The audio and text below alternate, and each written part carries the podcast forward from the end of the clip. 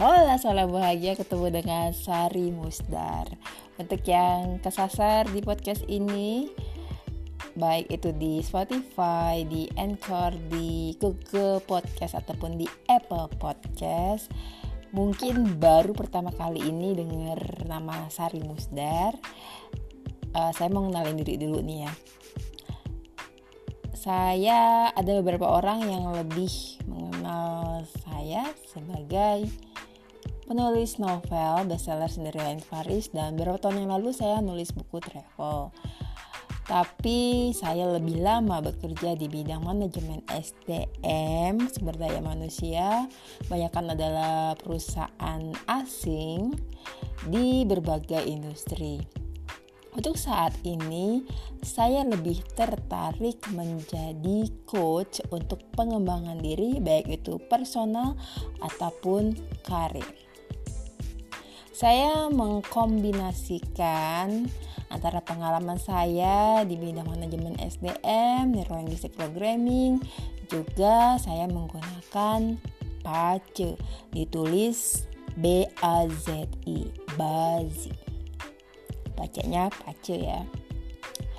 Podcast Sari Musdar biasanya ngebahas tentang awal-awalnya adalah dunia kerja digital marketing karena ya latar belakang saya adalah di bidang manajemen sumber daya manusia terus saya juga pernah menjadi coach untuk digital marketing bagi UKM terakhir saya roadshow ke beberapa ke sembilan kota uh, yang disponsori oleh Rumah Kreatif BUMN Bank Mandiri. Balik lagi ke tema kali ini saya mau ngebahas tentang you can keep someone who doesn't wanna be kept. Kita nggak bisa menahan orang yang emang nggak mau ditahan.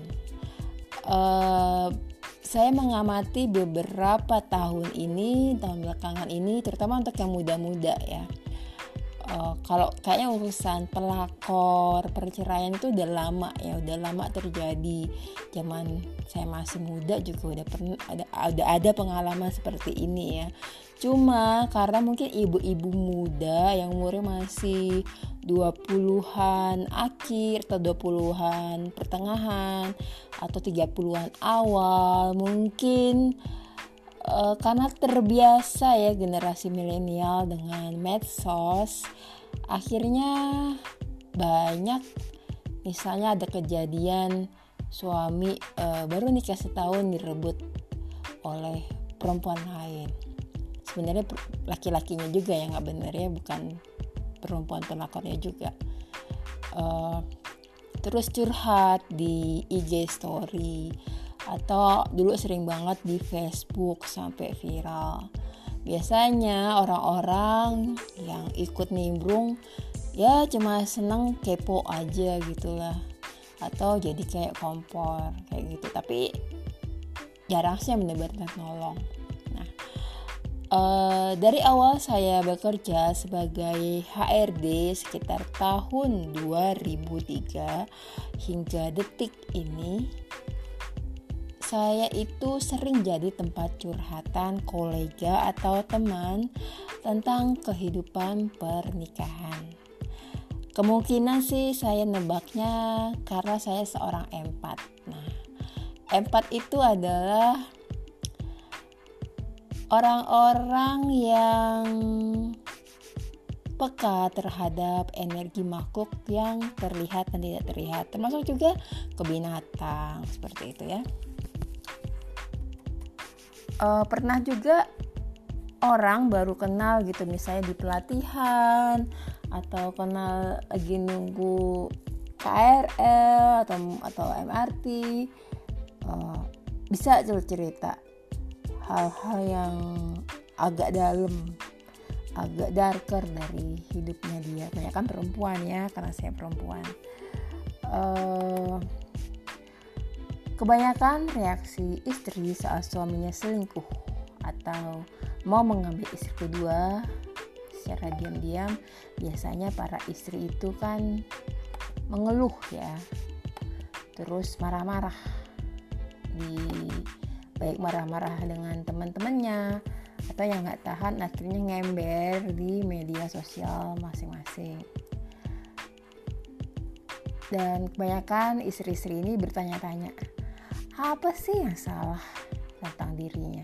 Kenapa sih suaminya melakukan itu dan berusaha keras untuk mempertahankan si suami? Padahal biasanya kayak gitu suaminya sih udah gak pengen bertahan dalam pernikahan. Atau pengen sih bertahan tapi dia tetap mau punya istri kedua uh, jadi kayak mirip sama karakter dokter di film drakor tentang perselingkuhan ya. Ini drakor Korea yang sempet heboh banget ya. Walaupun saya nggak terlalu suka nonton drakor sih. Seandainya misalnya nih ya namanya juga filmnya dibuat sedramatis mungkin. Seandainya dia ikhlas tentu nggak akan muncul peristiwa peristiwa buruk lainnya. Dan filmnya pasti udah berakhir dan nggak asik lagi. Memang susah untuk merelakan pasangan begitu aja. Yang dulu di awal-awal mendapatkan si istri ngejar-ngejar dengan segala cara. Uh kata-katanya manis banget uh, terus mengumbar janji A B C D sampai Z kalau bisa. Supaya si perempuan mau menerima cintanya. Apalagi sebagai suami istri juga ada ikatan karena hubungan seksual. Yang namanya hubungan seksual itu kan bukan perkara aktivitas fisik semata kata orang-orang ya tapi juga ada transfer energi. Dan energi ini saling mempengaruhi. Karena itu sebaiknya hubungan seksual itu adalah sesuatu yang sakral. Kita uh, seseorang hanya melakukan dengan pasangannya. Pasangan yang jelas yang energinya sama-sama saling uh, membaguskan. Energi sama-sama bagus supaya ada transfer energi yang sama-sama bagus. Itu kenapa penting untuk memilih pasangan? Supaya seseorang enggak mendapatkan pengaruh energi yang buruk. Begitupun kalau pasangan misalnya selingkuh dan berhubungan seksual dengan perempuan yang gak jelas, misalnya eh, PSK atau apa yang kerja di apa itu tempat pemandian plus plus pijat plus plus dan lain-lain. Istri kan habis itu pulang ke rumah misalnya berhubungan dengan istri, istrinya bisa kena imbas energi buruk residu, residu dari perempuan yang sebelumnya berhubungan dengan si suami. Di dunia ini ada orang yang berprinsip kebahagiaan itu mesti dicapai dengan proses bahagia juga tanpa merebut kebahagiaan orang lain. Nah, kalau saya punya prinsip seperti itu, karena bahagia menurut saya adalah uh, suatu perasaan yang harus dicapai dengan proses juga bahagia nggak boleh uh, merebut kebahagiaan orang lain karena bahagia itu juga kan energi menurut saya. Um, dulu misalnya waktu saya zaman kuliah ada seorang teman laki-laki yang mendekati saya hingga dia ikut kursus persiapan TOEFL bareng saya terus antar jemput gitulah. Tapi kemudian saat saya tahu sebenarnya eh, dia itu sebenarnya udah punya pacar ya saya milih mundur.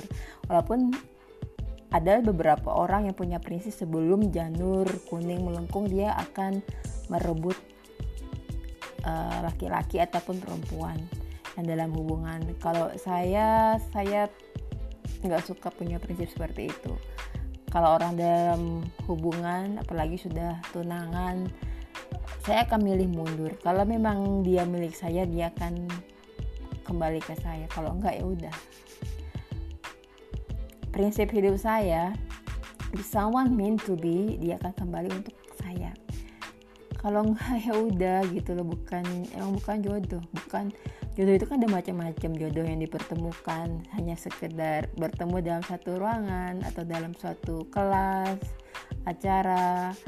Ada yang jodoh sampai ber, apa uh, hubungan serius ada jodoh sampai menikah ada yang enggak kayak gitu. Menurut saya ini adalah ujian kemelekatan. Kita tidak harus memiliki seseorang yang kita sukai. Kalau memang itu jodoh ya pasti Allah akan meridoi dan menjadi pasangan tapi ada juga orang yang punya prinsip untuk bahagia dia nggak sungkan, nggak malu untuk melakukan apa saja, termasuk merebut kebahagiaan orang lain. Misalnya, merebut pacar. Kalau ngerebut pacar mungkin masih ada beberapa yang membenarkan ya membela. Eh kalau ada merebut suami, wih, nggak banget ya. Orang-orang begini biasanya orang-orang yang gak percaya Allah atau Tuhan sudah memberikan kebahagiaan untuk dia dengan caranya. Ya. Uh, menurut saya setiap orang itu punya kebahagiaan tersendiri. Entah itu kebahagiaan sukses dalam karir dan macam-macam ataupun uh, sukses membantu orang atau sukses dalam keluarga dan lain-lain. Uh, dan kalau untuk urusan jodoh pasti setiap orang tuh sudah punya uh, pilihan uh, sudah punya pasangan yang masing-masing. Orang-orang seperti ini yang menghalalkan segala cara dan gak malu-malu untuk merebut kebahagiaan orang, sikut kiri kanan, injek uh, bawah dan lain-lain. Ini adalah orang-orang menurut saya ketakutan. Kalau dia nggak ngerebut hak orang lain dia nggak akan dapat. Seolah-olah semesta itu serba kekurangan. Mereka gagal membedakan bahagia dan senang. Seolah-olah hidup cuma ada di bumi nggak ada di alam lain. Entah itu dia spiritual atau enggak ya Pokoknya di bumi senang gak peduli orang lain menderita karena dia. Ada beberapa orang yang mikir uh, karena mungkin gak, nggak punya paham tentang karma ya, hanya taunya dosa. Dosa kan gak kelihatan. Terus oh toh nanti bisa tobat kok abis ini. Ya kayak yang di Makassar kan abis ngerebut suami orang terus dia pakai jilbab. Enak banget gitu kesannya langsung tobat tanpa dia sadar dia sudah menzolimi, melukai perasaan istri orang. Uh, ya seolah-olah hidup cuma ada di bumi, nggak ada alam lain. Pokoknya dia di bumi senang, nggak nggak peduli orang lain menderita karena dia.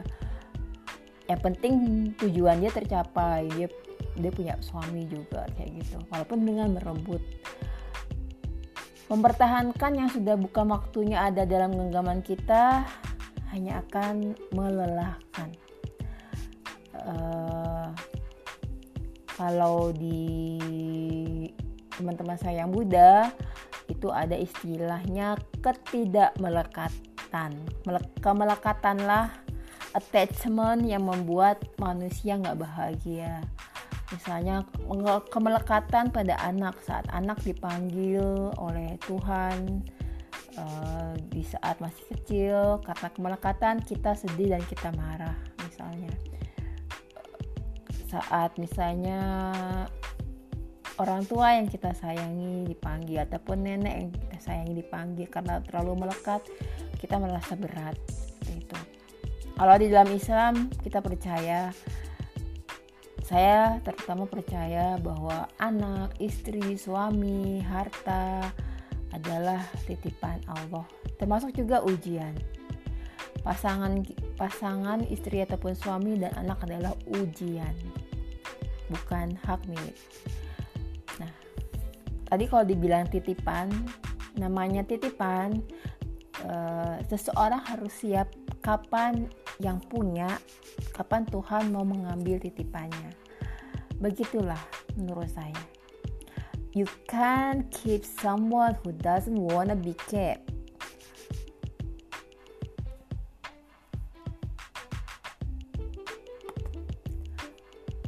Jadi ya walaupun sakit, walaupun perih itu adalah bagian dari ujian hidup yang membuat jiwa bukan badan sih ya membuat jiwa kita jauh lebih kuat lebih indah. Kalau nggak diuji ya jiwa kita tidur aja terus. Nggak bangun-bangun dikuasai oleh raga kita What's for you will be for you effortlessly. Nah, terima kasih sudah mendengarkan podcast saya. Oh ya tadi saya sebelum sempat selesai ya. Podcast Sari Musdar biasanya membahas tentang inner self, tentang self love, tentang empat. Empat adalah manusia yang peka terhadap energi makhluk lain, baik yang terlihat ataupun enggak terlihat. Saya juga membahas tentang pengembangan diri, terutama berdasarkan PACE, tulis B-A-Z-I. Mohon jika podcast ini uh, bermanfaat untuk pencerahan bagi jiwa-jiwa teman-teman, mohon jadikan podcast ini podcast favorit atau bagikan di uh, akun medsos teman-teman. Jangan pelit menyimpan sendiri. Uh, kita semua adalah energi. Energi itu harus dikeluarkan supaya bisa ada energi yang masuk. Terima kasih sudah mendengarkan. Jika ada pertanyaan bisa kontak saya di Instagram di DM Instagram at Sari Musda. I'm sending my virtual hugs to your soul